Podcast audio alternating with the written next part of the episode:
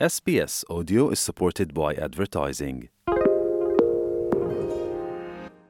شنونده های عزیز حال سامنوری همکار بخش نشرات اینترنتی ما درباره موضوعات مهمی که این هفته در وبسایت ما به نشر رسیده معلومات میتن آقا انوری سلام بر شما. میشه که در آغاز به شنونده های ما بگوین که در این هفته کدام مطالب در وبسایت دری اسپیس نشر شده؟ با سلام به شما و شنوندگان عزیز. خب این هفته را با 107 مین سال روزی ورود نیروهای استرالیا و نیوزیلند به گالیپولی ترکیه آغاز کردیم که همانطوری که می‌دانید به نام روز انزک شناخته میشه.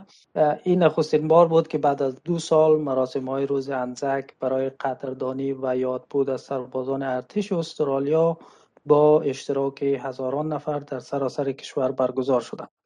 احزاب سیاسی در این روز مبارزات انتخاباتیشان را متوقف کردند و رهبران هر دو جناح اصلی سیاسی در این روز از, مبارز... از مبارزات مردم اوکراین در برابر هجوم روسیه قدردانی کردند. اما مهمترین خبر هفته که تاثیر مستقیم و منفی بر زندگی و وضعیت مالی مردم داره اعلام نرخ تورم اقتصادی بود که به طور بیپیشینه در طول بیش از 20 سال بالا رفته و در در نتیجه موضوع تبدیل به موضوع مرکزی در جریان مبارزات انتخاباتی شده.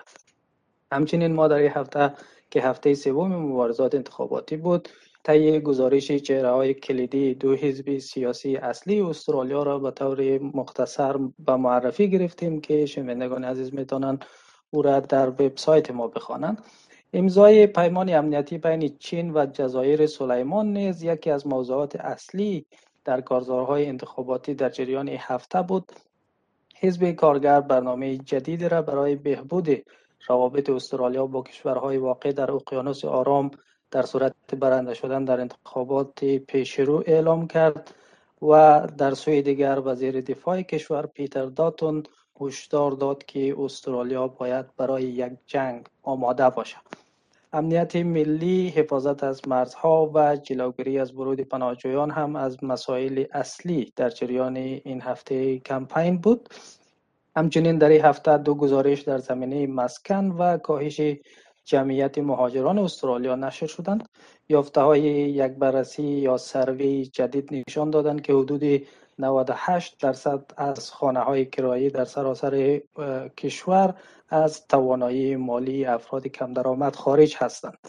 در عین حال اداره احصایه استرالیا ارقام را به نشر رسان که نشان میتن جمعیت متولدان خارج در استرالیا برای نخستین بار از سال 2000 بدین سو کاهش یافته که این باعث نگرانی کارشناسان نسبت به آینده اقتصاد استرالیا شده.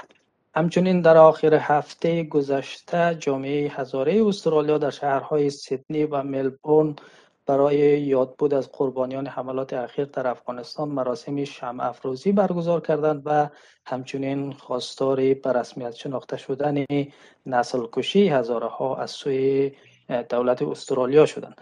علاوه بر اینها اخبار و گزارش های در مورد صدور هفت هزار ویزا به اتباع اوکراینی خریداری تویتر توسط ثروتمندترین مرد جهان نحوه کارکرد مجلس سنا نخستین بکسور زن مسلمان استرالیا در رقابت های بین المللی و کپک دیوار و خطرات آن در استرالیا داشتیم که شنوندگان عزیز ما می توانند آنها را در وبسایت ما دنبال کنند.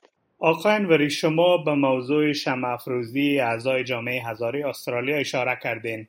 میشه که در مورد شمع افروزی هفته گذشته معلومات بیشتر با شنونده های ما شریک بسازین. بله همانطوری که قبلا اشاره شد اعضای جامعه هزاره استرالیا با برگزاری دو مراسم شمع افروزی در شهرهای سیدنی و ملبورن از قربانیان حملات مرگبار اخیر در پایتخت و شمال افغانستان یاد بود به عمل آوردند و همچنین از دولت استرالیا خواستند که آنچه که آنها نسل کشی هزاره ها در افغانستان عنوان می‌کنند به رسمیت بشناسند.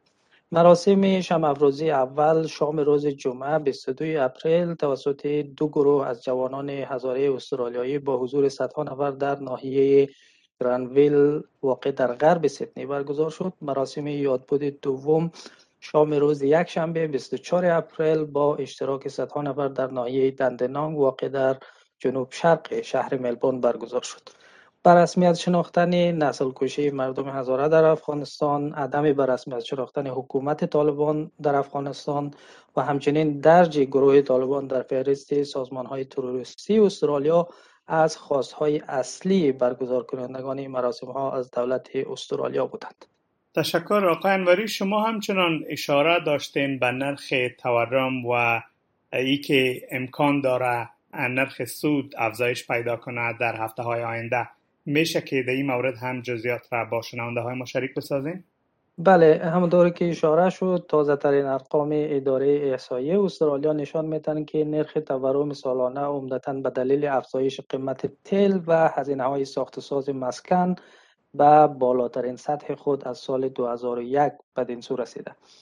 ارقام تازه منتشر شده اداره احصایه نشان میدن که شاخص قیمت مصرف کننده یا CPI که معیاری برای اندازهگیری تغییر در قیمت میانگین محصولات و خدمات مصرفی برای یک خانوار است. دو اشاره یک درصد در سه ماهه نخست سال 2022 و پنج اشاره یک درصد در طول سال افزایش پیدا کرده همچنین نرخ تورم زمینه ای هم به 3.7 درصد افزایش یافته که بالاتر از هدف دو تا سه درصدی بانک مرکزی استرالیا می باشد در نتیجه بانک مرکزی مجبور است برای پایین کشیدن تورم زمینه ای نرخ سود رسمی را بالا ببرد جلسه بانک مرکزی استرالیا قرار است روز سه شنبه آینده برگزار شود و انتظار میره که در این جلسه نرخ سود از پایین ترین سطح آن که فعلا در صفر یک درصد از افزایش داده شود. همانطوری که می‌دانید